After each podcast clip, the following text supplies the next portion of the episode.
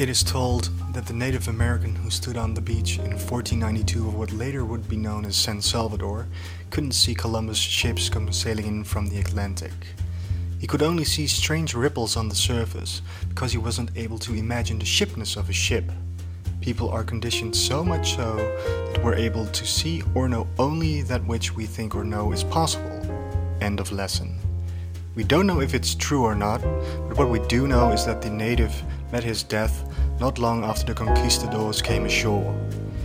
In Ships on the Horizon, we discuss the strange ripples we can already see ahead of us in the current state of economy and society. From transcranial magnetic stimulation to the universe as a simulation, and learning 21st century skills to using Bitcoin to pay our bills. The matters discussed vary widely, but the question we keep asking ourselves is what are we looking at? And most importantly, what can we see? What is approaching fast? Welcome to this 55th episode. My name is Yuri Sepp, and together with Bob Forneveld, we talk with our special guest, John Furey.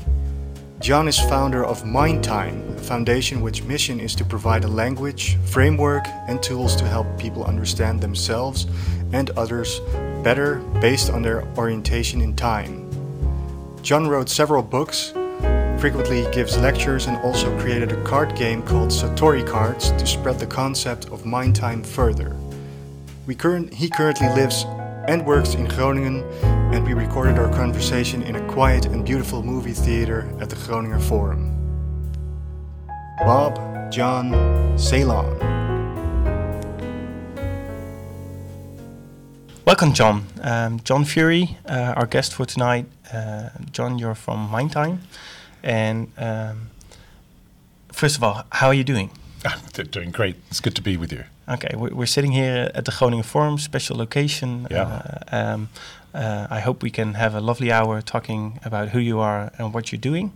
Uh, but first of all, can you introduce yourself a little bit? Uh, certainly, yes. Um, my name is John Furey, as you have said. Um, I came to Groningen about uh, a year and a half ago, um, specifically to set up the MindTime Foundation, which is a foundation that looks at thinking and, and how our thinking, human thinking, in fact, uh, um, plays a role in our in our lives. So prior to that, I'd been living in Greece, uh, in Samos, for a couple of years, uh, thinking about thinking, and uh, before that, I was in the United States for quite a long time. So a bit of a traveller. Uh, grew up in Switzerland and went to school in England, of all places. Um, not quite sure what I would consider myself today nationality wise, but I love being in Groningen, and that's the only, really only important thing. Okay, um, I think we'll get to MindTime. We will get to MindTime a At lot uh, during this hour, but maybe you can uh, tell a little bit about what you did before you were starting MindTime. Interesting. Okay. Um, I grew up uh, in Switzerland, in the south of Switzerland, in a town called Lugano. And then when I was uh, eight years old, my parents are English, and when I was eight years old, they uh, decided to send me to school in England. And that's, that's a, uh, for most people, a very privileged thing to, to have this English uh, education, paid for education. For me, it was misery. I mean, I went from this beautiful North Italy Lake District setting where everyone's kind and pleasant in a small town. Um, safe and uh, the weather beautiful. It's subtropical. There are palm trees by the lake. Anyway, I find myself in the north of England. This is a well. Let, us put it this way: if you think Groningen is a particularly dark place in winter, you haven't been to the north of England. It is it truly, truly miserable. Anyway. That's okay. where I was consigned okay. to. So, not, okay, so clearly I have not gotten through this in my life yet. But the, the, the key was this I, I grew up in, um, in England in terms of my education, and I decided to become a photographer. And none of the sort of classical uh, disciplines, such as, um, I don't know, uh, being a lawyer or an accountant, these sorts of things, none of them appeal to me at all. It's just not the way I'm made. So I decided to become a professional photographer. I left uh, my higher education a little bit early and I went to study at the Oxford College of Further Education, where I um, did an accelerated course in things which I needed to have as uh, sort of going into a ph- photographic master's. Things like the arts, uh, drawing, uh, art history, all of the sorts of arts things that I did not get in this supposed privileged education, where Latin, Greek, and, and mathematics were the, the rigor and having done that, I, I felt liberated. So I, I, actually became a photographer, got my degree, and started my own little photographic company. And um, did, had, there was two sides to it. I was having fun. Uh, one side was a serious studio photographer. I used to photograph diamonds and food specifically. Those were my specialities. But of course, you know, young and entrepreneurial. If someone came along and said, "Well, would you shoot a fashion shoot in somewhere?" Absolutely, yes. and then a friend of mine and I um, started a little, uh, what we call it, INS, Information and News Services. He was a journalist, and I being a photographer. It was great fun getting a call from someone at three o'clock in the morning and running out of bed and going off and covering some story. So we had this little uh, thing on the side, which was our weekend gig, which was being photojournalist and journalist, and that was a that was a very very entertaining period of my life. Come the early '80s, I decided to leave England. Um, weather, economics, the Thatcher government, the strikes of the early 80s, this was a, not a good time in Europe and certainly not a good time in England. And I left uh, because I had met someone who, who was looking for um, someone to help them in North Africa, in the Sudan, in a town called Juba. Nothing to do with photography, nothing to do with anything I knew about. It was just John going off on his Africa adventure. And that's what I did. And I spent four and a half years um, in the Sudan, in Kenya, and then I moved out to South Africa and lived in Johannesburg, in Durban, and Cape Town. Had a fantastic time. It was just the adventure of a lifetime. Now, of course, it was not always all fun. I don't know if you recall, but this was a time when there was a civil war started in Sudan, which is why I actually left there. There was a coup in Kenya right after I arrived. And then when I got to South Africa, there was the beginning of the collapse of apartheid which it didn't really matter what your politics was, it was no fun at all. It was a very, very tense time in South Africa. And by 1985, um, the writing was on the wall. And as we used to say down in Durban, it was not my shauri. This was not my problem. I, I had only just arrived here. I was not established really yet, was not married, um, had no uh, encumberments. And so I had this decision in front of me: do I do I sit here and stick it out because this is going to be five, ten, maybe fifteen years? And what were you doing at that time? Are oh, you still I, photographing? No, or? no, no, no. I, I, I, sort of I'd left my photography behind. Um, photography is one of those things which is, is, is sort of a romantic and as sexy as it looks. It's really hard work, and and ninety percent of the business of photography is not taking pictures. So there's a little bit of a myth around this entire area. Um, you know, any artist knows that the business side is really the all-consuming. So no, I, I didn't do that. Um, I worked in the north of Africa for a company called Interfreight, which was uh, responsible for bringing all the aid material into northeast Africa through Mombasa and put it on trucks and distribute it. And when I went to South Africa, I was very fortunate. I met someone, um, a woman by the name of Patsy Robinson, who took a shine to me. She was my sort of my, my golden angel, uh, as it were, and she introduced me to some people who owned a language company. Now, I was very fortunate. If you go backwards, I sort of grew up in Lugano. I spoke Italian. I have an English family. I spoke English. And of course, variously traveling in Europe as a youngster, I had a smattering of French and a smattering of Spanish and things like this. So here's this language company and I start to sit down with this chap called Tom Schmitz, who was one of the owners, and he says, Well, do you think you could sell a language course? And I replied in fluent Italian. And he says, That's it, you'll do. so there was this, uh, this period of my life when, again, it was. Um, you know, I was on a commission basis. I was selling language courses to businesses and to individuals. They were beautifully made language courses. In fact, they, they were originally designed by a Dutchman um, Professor Hans Hunsaker, and he was at Rotterdam University, and it was Philips of Eindhoven who made these language mm. courses, mm. and they were phenomenally expensive language courses. So I could make a very good living selling language courses, driving all over southern Africa in my little XR3 Ford, and I had an amazing time. An amazing, amazing time. I drove through the Kalahari. I was up in Namibia. I drove along the Namib Desert many times to, to Walvis Bay and to Swakopmund drove across Africa, well, southern Africa, from Johannesburg to Cape Town several times, and up the Garden route to Durban. It was just one, you know, I'm in my, my early 20s, and, and what else do you do? Yeah. It's one of the most beautiful countries in the world, and you enjoy it. So that was until 1985, end of 85, January 86, I just decided that was it. Uh, it was now getting very hairy. I'd had a couple of personal, rather close calls in the Cape District um, with, this, with these troubles and I decided to leave. And I, in fact, uh, for the first time in my life, I considered the fact that I was born in America. And that meant something. That's a country that we haven't heard yet. So no, it's no, uh, no, just no. another country. It's just another country, yes. My, so my, my father worked for Ampex in Michigan when I was born.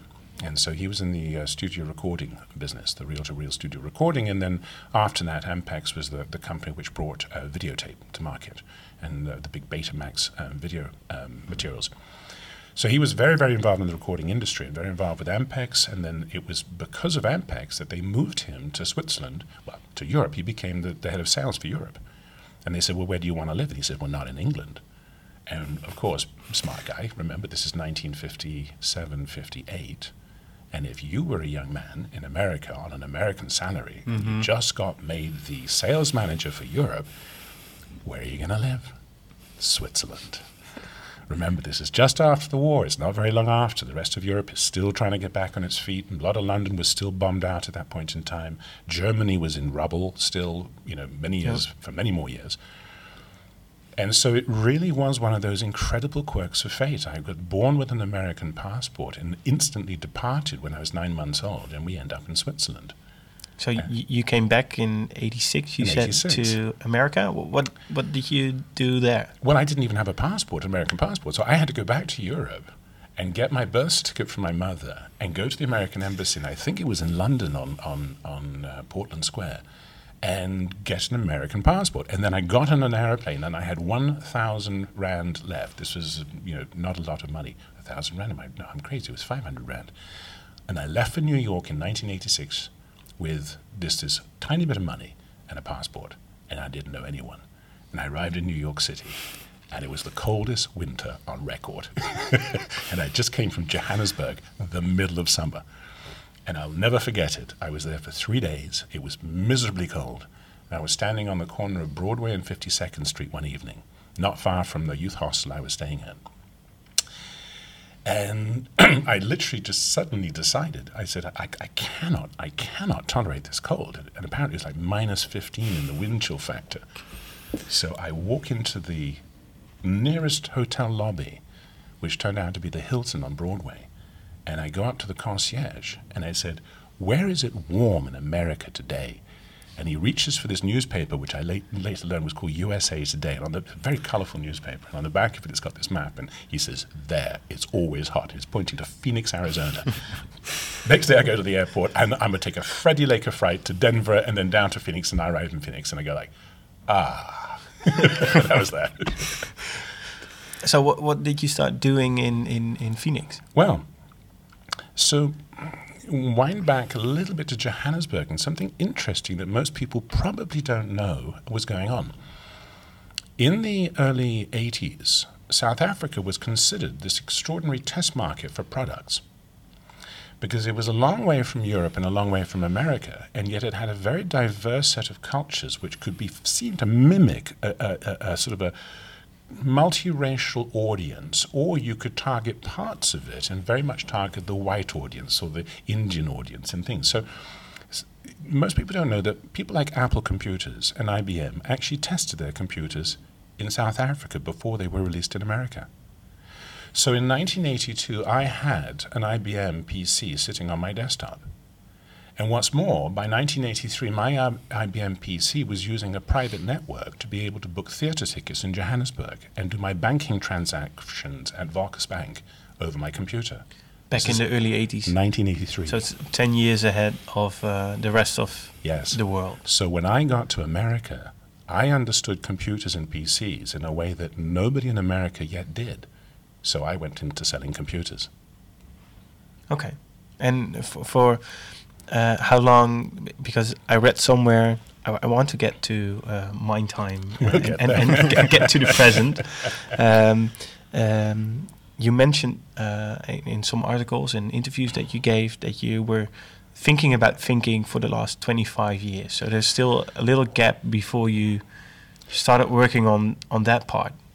Yes. Um, I've been actively, professionally, I would say, almost thinking about thinking for 25 years. But curiously, it was the departure from South Africa where it really all started. And you can imagine a, a sort of a clear Tuesday morning, and I get on the airplane at uh, Jan Smuts Airport in Johannesburg. And as we take off, we go across and we go north, and we're going to uh, Cape Verde Islands because, of course, uh, no South African airlines could fly over Africa at the time. So we're flying to the Cape Verde Islands to refuel. And I remember leaving the coast of uh, uh, West Africa um, out towards the, the Verde Islands, still having sort of tracked round via Namibia. And literally, as we're crossing the coast, I have this extraordinary, extraordinary question comes into my mind. Now, at the time, I didn't, I didn't articulate it the way I can say it now. but it was n- no doubt that it was the same question. That was, how come so few had managed to dominate so many for so long? That And that that- question was it, it was so compelling, and that's when I began to try to figure out what was it, and and actually that's the beginning of the story. It's thinking. So, um, uh, in, a, in, in a strange way, you could say apartheid was the thing that brought you to thinking about thinking. Yes, yes, both apartheid and what I learned in Northeast Africa, in the Sudan about the colonial era, and in Kenya, and the, the, the vestiges of the colonial era, the British colonial era that still existed in, in Kenya. It was mm, like nothing you'd ever seen before. And then, sort of, that, that was the sort of closet version of apartheid in my mind. And, and then there, here was apartheid on the streets Very visible.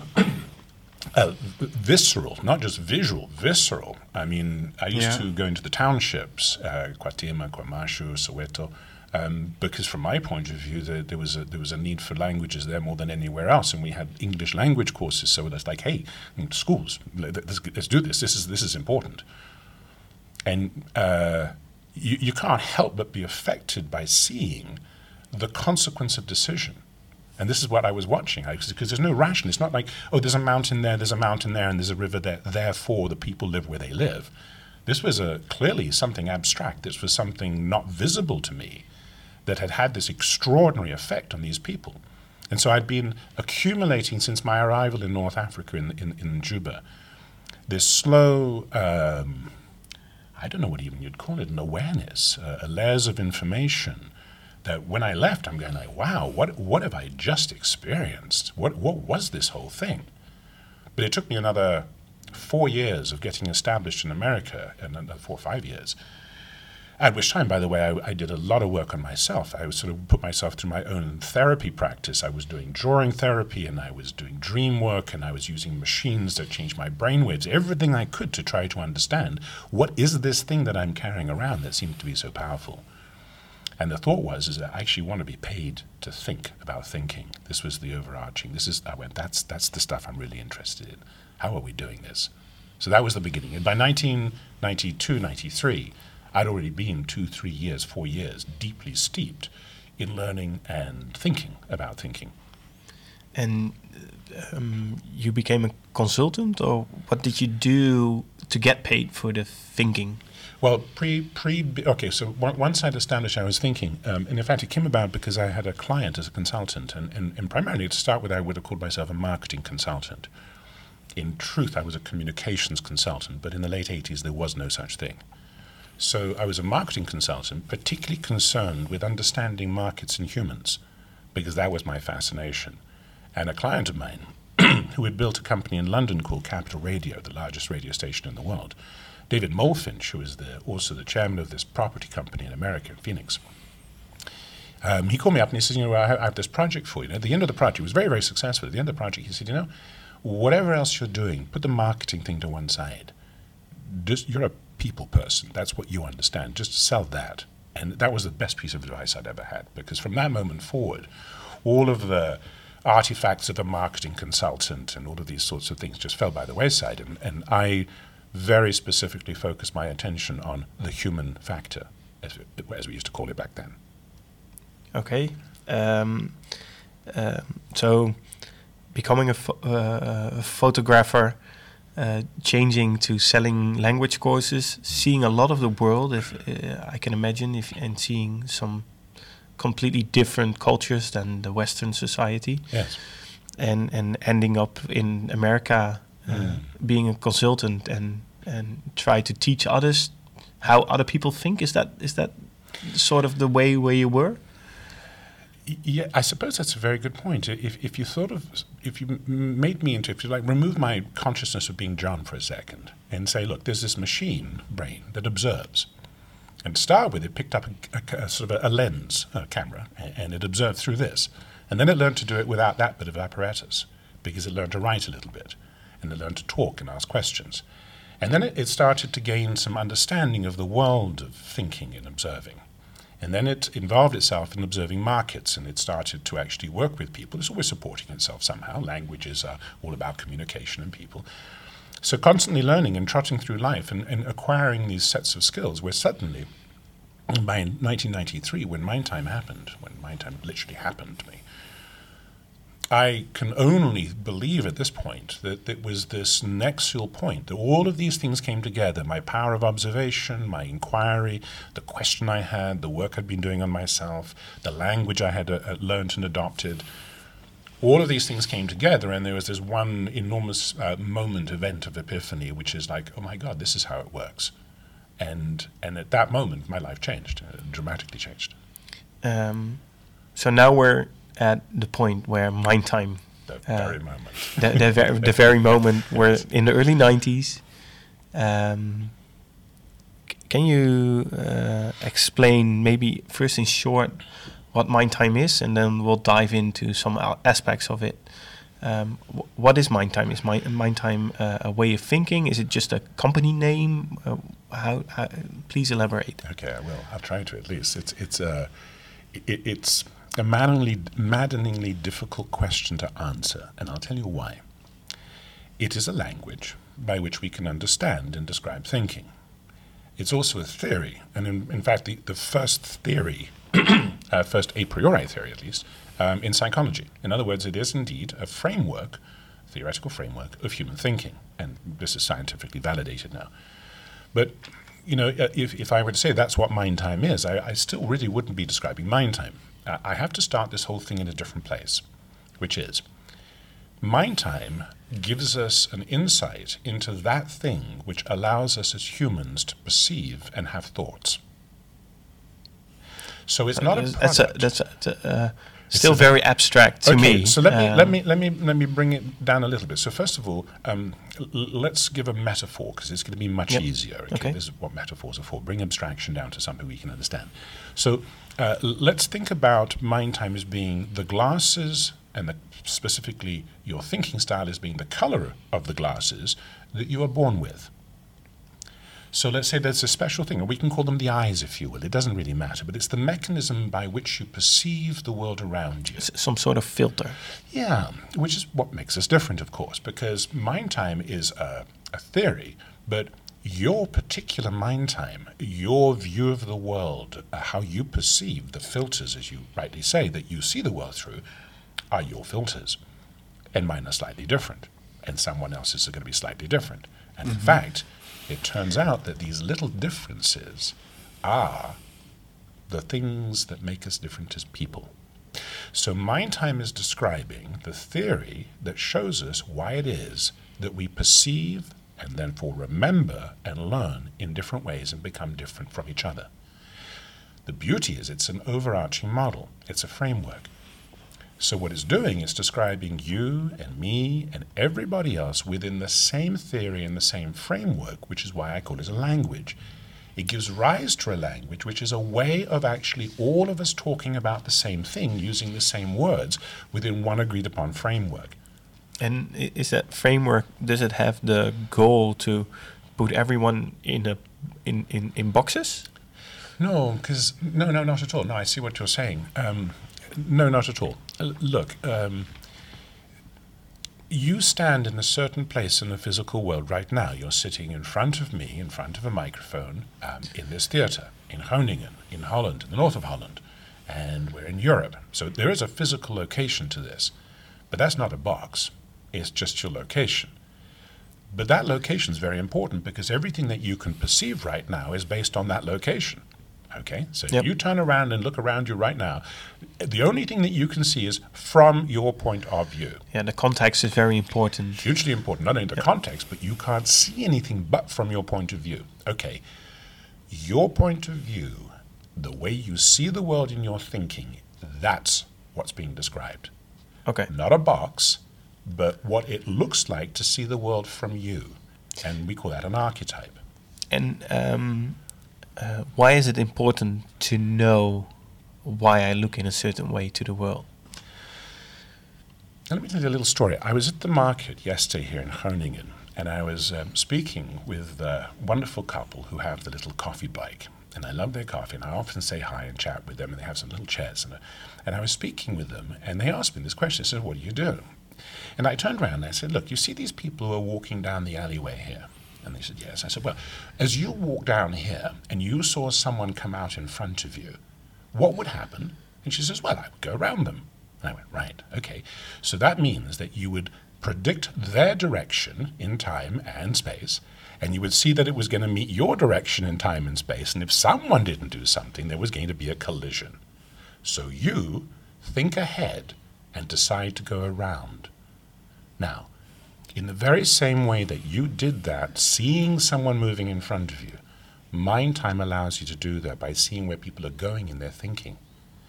So wherever I'm coming from, and wherever I'm trying to get to in my thoughts, it, this illuminates it. It allows us to see how we are each trying to get somewhere and to navigate more successfully.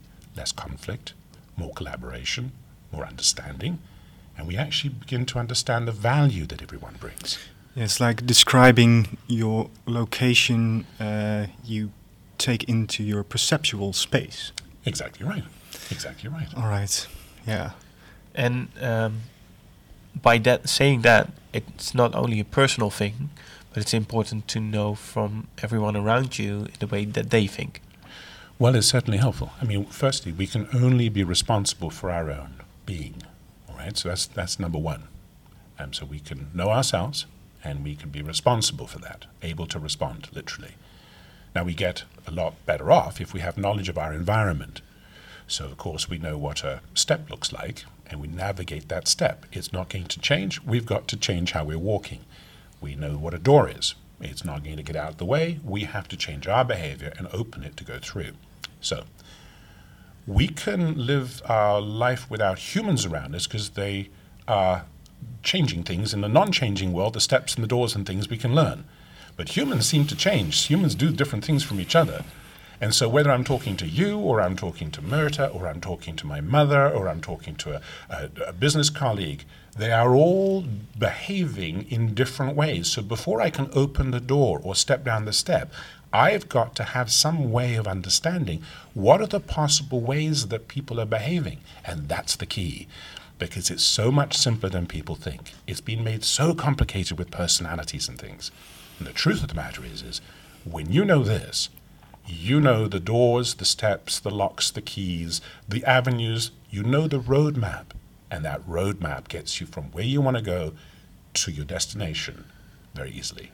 And um, I, I heard you say the word archetype. Mm-hmm. Um, I've read something about a past, present, future. Yes. Um, are these the results that you get if you do a test? Uh, what what kind of thing do I have to do to get to know myself? What what's the framework at the moment? well, the first thing you have to do is stop still, stop moving, stop thinking, and look at yourself.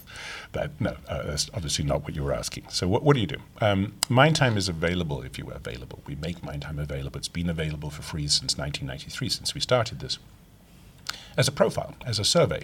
So people complete a, either a paper or pencil test, um, which is published in books, it, that they can complete an online survey, and that gives them a result. Now, what is the result? The result is, in fact, a very simple picture. It's three numbers, but we, we make it even easier by saying inside this map, which has three points a past, a present, and a future and these are the three, as mind time suggests. I, I, I, saw a visual representation in a, in a triangle. That's right. It's exactly right. It's a triangle, and just imagine past, present, and future are on the apices or on the tips of that triangle. So, past, present, and future represent, if you will, the forces or the dimensions in which we think. And I know this sounds a little bit abstract again, but it, it's simple if you think of this. In the English language, you use the word temporality. And temporality means thinking. It's everything that's not physical is temporal. It's in our mind. The word tempus comes from the Latin word time. So, time thinking, we've known this for thousands of years.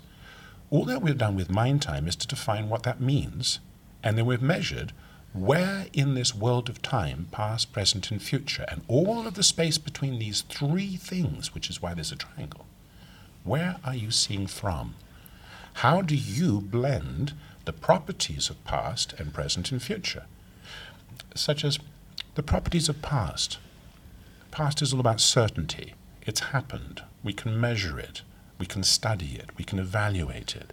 We can burrow into it at even or ever more deeper levels of increment. Science, from the sort of physical scale to the atomic scale to the subatomic scale, we can keep learning about what is. It's all looking for certainty, and underlying certainty is understanding and meaning. And this is a deep driving force of humanity. So the past is that force in us that wants to know, wants to understand, and wants to go, who are we? Why are we here? And then there's an seemingly opposite, but it's not. It's a complementary force, which is future. And future, as a concept, if you think about it, when we say future, we're talking about everything we don't know. This is everything that is possible. Word that, word that comes to mind is, is uh, curiosity. Yes, and I think if you have that, a little bit of that past thinking, which is what, what do I know, what can I know, and you're looking towards the future, the sum of that is curiosity. And that's exactly right. So if you were a person who mixed that past bit with that future bit, you would be a curious human being. Now let's imagine you don't have the past bit, you just have the future bit. That bit is all about opportunity. It's all about possibility. It's all about freedom and openness and non attachment and non specificity and non certainty. It's about emergence and what we call the liminal. And the liminal is what, it, what, what literally wants to be created into the world. We would call it the Tao in the Eastern philosophies. And of course, there's something mediating these two because there is a present, there is a now. But present thinking is not just being in the now. That's not what it is. It is that temporal aspect, that conceptual mind aspect that we have that tries to look at what do I need to do to keep now looking the same as now and now. And that's all about control and process and plans and structures and organizing and rules and regulations and norms and conformity and stability. So there's this enormously strong drive we have individually, communally, culturally, societally to create a stability so that we create more predictability about what's going to happen and we can base that to some degree on certainty of what has happened. Which is why when the world changes very quickly and dramatically, what we feel is instability because the now that we can control gets smaller and smaller and it becomes more and more difficult to look into the future and to say what is possible and is going to happen. It becomes less certain because we have less proof from the past. So when you blend these three things, past, present, and future, you essentially can understand the point of view of any given human being across all cultures. And, so you're saying uh, everyone can be somewhere in, in that triangle uh, where you can say he has a little bit of this, a little bit of past, a little bit of present, a little bit of future, or uh, a lot of one of those. Yes, this yeah. exactly. Yeah, those are the archetypes, are uh, ways uh, in which people are predominantly are more uh, like like leaned more to the future or more uh, in the past. Yes. And maybe to take a step back, uh, thinking is language. And the stories we tell ourselves, the narrative, uh, has elements in it which are also predominantly more uh, about the past or the present or the future. Is that mm-hmm. the way to uh, describe it? That's a very, very good way of describing it, yes. And in fact, what we call is this if you think about it logically, past, present, and future, but you could blend these, and there are only 10 possible combinations past, future, future, past, present, present, future, future present. Mm-hmm. And if you go around and you add them all up, including one in the middle, integrated, the, the equal blend of these three, we call integrated. And so when, when you take those 10, you say, look, there are actually these, to simplified, of course, there, there are not 10. This is a total fiction. Uh, but there are 10 archetypes, as we call it, which is the 10 logical blends that we can say, oh, that person's behavior is archetypically like a future present or a present past. But, uh, to say it in simple terms, you're close to uh, the way of an archetype Yeah. which could describe you in a couple of sentences, Yes. which makes it logical. It's shorthand. Archetype is shorthand. Let's Yep. be let's be clear about this. And all, yeah, those are the uh, biological.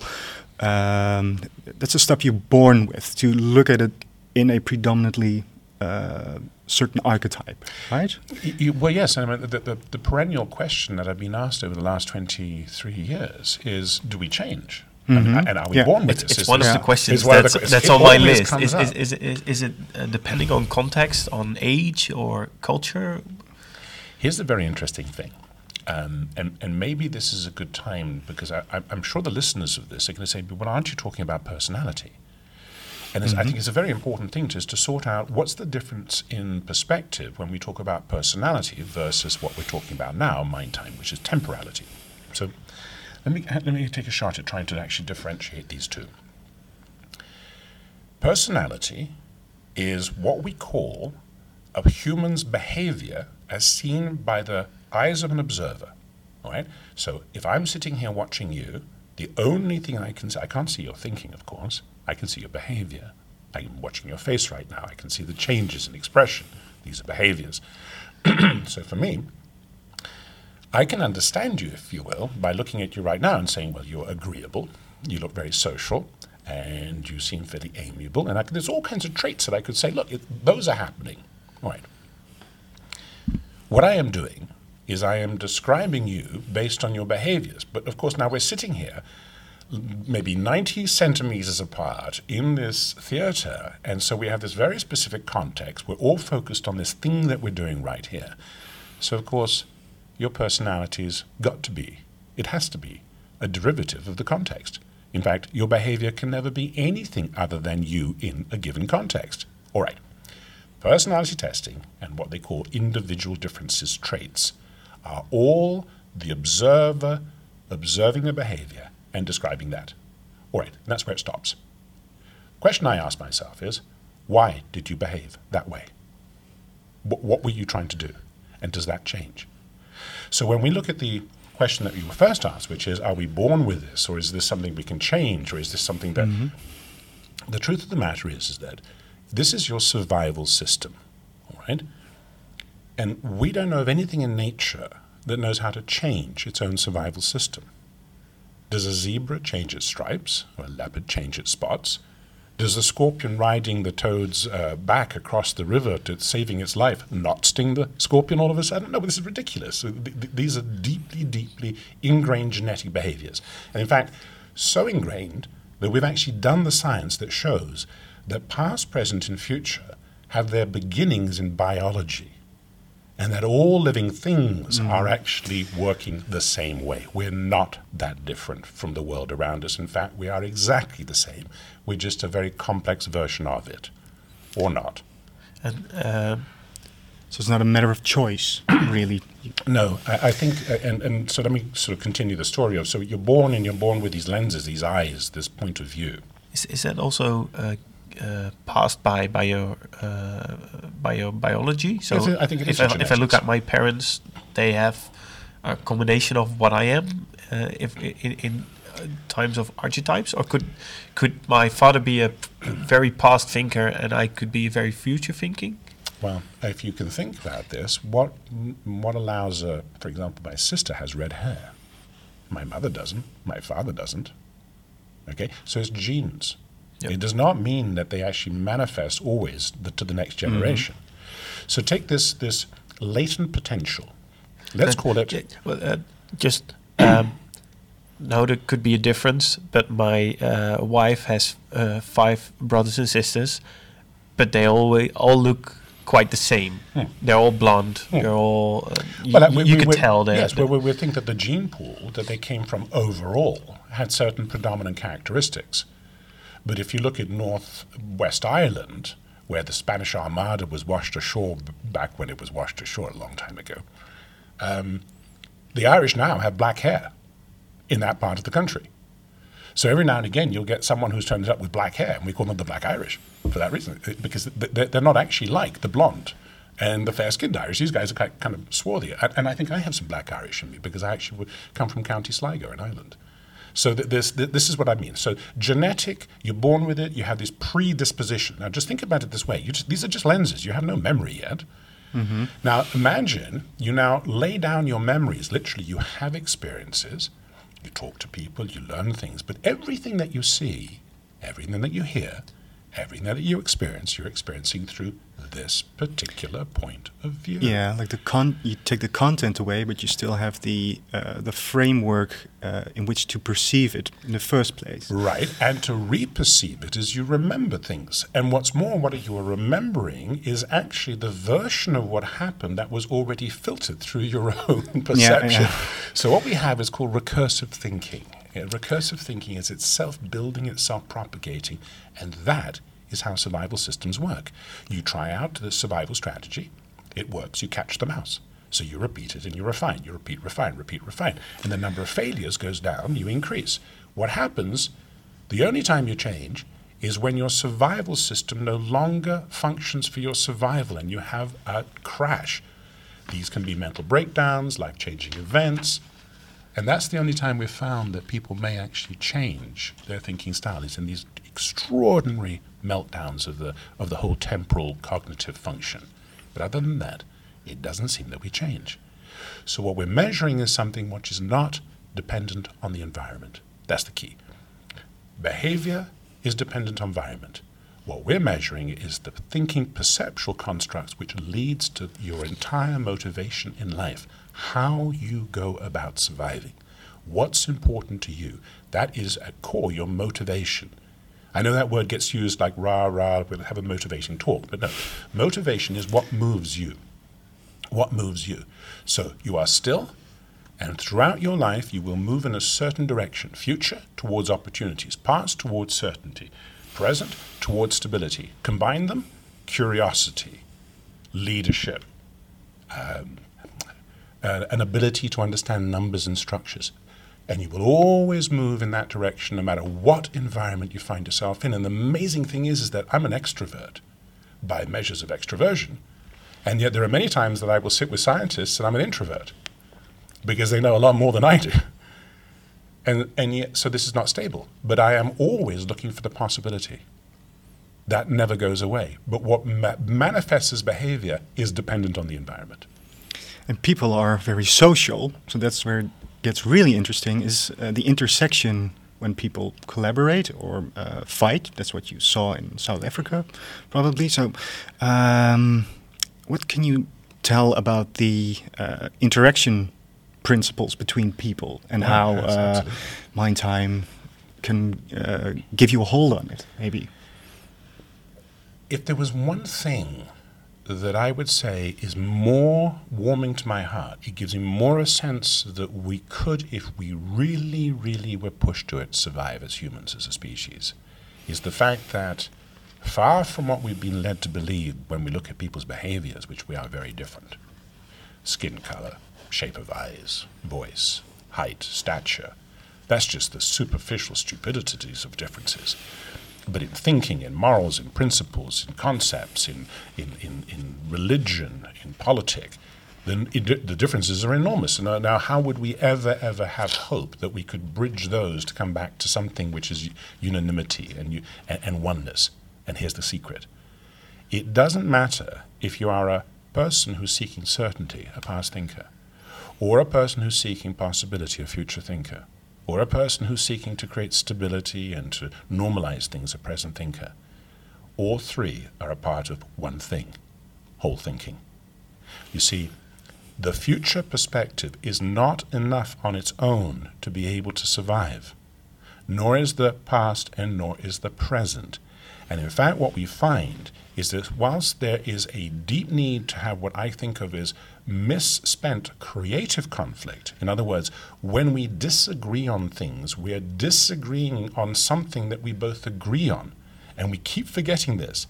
There is no point in fighting someone on something you don't care about. So there is something of an agreement. What we do is we occlude the common ground. That means we hide it underneath our disagreement. But share this perspective with me. If you care about something enough to fight me for it, you care about the same thing I care about. Okay, let's start there. Now, what is it about that thing that you have a different point of view on it than I? And here's the beauty of your understanding perception. I can see that if you're looking at the same thing that you hold to be important from your point of view, and I know that you're a past thinker, I know what's important for you is for me to give your point of view authority that you know what you're looking at because you went and did the research, you got the numbers, you understand it. If you look at me from my point of view and what I'm looking at, and acknowledge it because you understood my time, you would see that I love the same thing. I love it so much, I'm prepared to fight you for it. But that part of it that I perceive is the possibility inherent in it, which scares the bejesus out of you. Mm-hmm. Just as your facts telling me that my possibilities aren't possibly true is scaring the bejesus out of me. So the conflict is about the shared common ground and the way we talk about it. And as soon as you illuminate this, how can you possibly be still fighting when you actually are using one thing, thinking, and that you have one part of it and I have another? So, what MindTime shows us is what value do you bring to thinking, not whose thinking is right. Because mm-hmm. is no such thing as right thinking, there is whole thinking and not whole thinking. But thinking isn't right or wrong. But everyone has value to bring to the picture of whole thinking. Yeah, but whole thinking is something different than the integrated way of thinking, right? Yes, it is. That's yeah, a very, yeah. very good point. Now, you could say that whole thinking is integrated thinking, which it is. I mean, but the archetype of integrated thinking, we call it the connector, that is using all three aspects of thinking, but it is not whole thinking in sense of past, present, and future being fully represented in a conversation in the one mind, you cannot separate them out enough to make them whole again. You just have the three perceptions in that one mind and the ability to see them, not the ability to abstract them and bring them back together again. Yeah. You need the differences of point of view. More transcendental point of view to look where mm. is it going. Uh, but you also um, can apply MindTime in organizations to. Uh, uh, help people get through creative processes. Uh, how how do you uh, give people the tools to um, uh, to break through their own uh, perspective? Maybe. Okay, so um, essentially, the, the, there really are only two parts to this. The the one is the key, which is unlocking your thinking. What thinking style are you? Which is your archetype? Mm -hmm. Now, look, you know, you can probably sit down from just having listened to this broadcast to start with, and you could probably go like, well, it sounds to me like I'm more like the present thinker, the past thinker, the future thinker. So, look. Do you get any surprises if someone takes a survey? and They say, oh, I was thinking I was a future thinking and I became a past thinker? Or no. is, it, is it always, if someone does a wild guess, they always close to it? Um, it, it's hard to say because I, don't know what's going on inside people's other heads in terms of the result of their questions. No, what I do know is reactions. that yes, no, I think very often in their reactions they confirm their thoughts. They confirm their thoughts about their brother, mother, father, sister, uh, husband, wife, children. You know, it's, it, it, look, this is obvious. But the difference is this the obviousness of every day, which is what we want MindTime to do, by the way. This does not have to be some difficult, scientific, expensive thing. Look, anybody can go online and learn for free. And the point is this two aspects. One, the key is how accurately do you want to actually know your thinking style? You can have a conversation with your friends having listened to this, and you'll come up with a pretty good idea. But for you to do something about that, for you to actually invest yourself in uh, educating yourself, or learning, or reading, or watching a few videos, you need more than a guess. So the easiest thing for you to is go and take a profile. It's free online anyway. And when you've done that, you go like, okay, so now I know. I've gone from I think to I know. All right, good. So unlocking people's thinking go, style. Uh, uh, just to, uh, you, you're talking about the survey all the time. What about the Satori cards? Okay, so that's some, yeah, that's a different way of finding out. It's a, it's a survey. Can you can you explain what the Satori cards are? Yeah, what, uh, especially the name is still a misery to okay. mystery, not a misery, mystery. Ah, um, so the name came from um, in in the early uh, in early 2011 or so, I was working with one of my partners um, in America, uh, Sean, and he and I had uh, we spent many many many years together, uh, so literally eight nine ten years together in thought exercises. And so he, he is an extremely, extremely gifted thinker and a, and a very clear human being. So he, he doesn't have a lot of confusion. And uh, what was interesting is one of the things we came up with is was this ability. If you conceptually said, "Look, if I know my thinking style and I look at a speaker, let's say on a stage, a, a, a politician, if if we could collect everyone's vote on that politician right now, in other words, like, don't like, just as simple as that, like, don't like, and we could plot it based on their thinking style, we would see something extraordinary we would actually, as a collective, have what is called a Satori moment. And a Satori moment is a sudden moment where you shift your perceptual awareness, you jump. It's, a, it's like a phase transition. You go from not understanding to understanding, and it's a sort of like, whoa, whoa, whoa. Oh, that's how that happens. Okay, that moment is called in Buddhism, in, specifically in Zen Buddhism, the Satori moment. In truth, in truth, that moment is talking about something bigger. It's talking about the moment of enlightenment, of understanding all understanding. But in the common vernacular, a Satori moment is considered to be even these smaller phase transitions. And I want to tease you all a little bit by saying that I don't think that MindTime is just about the small transition. The truth is, the reason they became called Satori cards was because if you play with these cards and you work with them like I've worked with MindTime over the years, and these are a beautiful analog tool where you can playfully, with others, deconstruct what the survey does in one and a half minutes online. This, you sit down and you construct it in a game of 20 minutes, half an hour, an hour with friends in a group on a team. And it literally breaks down the blindness that we have of who we are and how we are. It becomes this safe, obvious awakening to the nature of our own thinking. And that is what Satori is and it was given to me by a chap called Peter Clark. And he had invented a, a very simple game that a community, a group, a class, a family uh, can sit around and play together that really brings onto the table the conversation of how do they improve and create more permanently stable cultures, whatever it is. Okay, so he showed me his card game. So I went back from this meeting, these meetings in Zagreb, and I went back to Samos to my home and, and sat there. And I sort of had this like, well, why have I spent the last 20 years dabbling in technology and delivering all of these things in the digital medium. And remember, my story goes back as I went to America, I started playing with computers.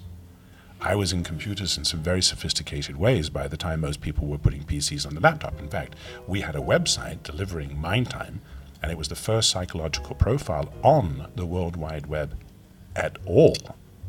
And that got me on National Public Radio in 1995 in America. So we were playing with computers, and I was fascinated with the deliverability, the scalability of technology. On Samos, well, I was sitting with my friends having some of the most extraordinary conversations in real time, not online, face to face, and I rediscovered between 2013 and 2016 the analog world for myself. And so I, I set out to create an analog way for people, not just a paper and pencil test, but an analog way for people to discover what this was about. Because previously there was the digital experience, and then you got this beautiful interpretation, and that was it. Okay, great. And then I started writing books. All right. But there was there was no there was no me in there from the sense of trying to help you to take this to pieces and, and, and evidence. And all of a sudden, by seeing pieces game, it's like, well, of course, it's just a system. Take it to pieces and let people build it for themselves. And bingo, it worked. And now not only can they play the game, but they actually can interact from it digitally because once you've done it, you can go online and look at the calculate page and say, okay, I've got three red, uh, four green, and, and, and five blue.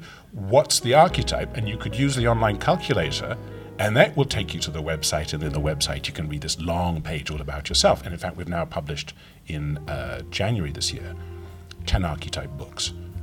So there, there are now 10 books, digital ebooks, available, one for each of the archetypes as well as all the resources, informational resources online.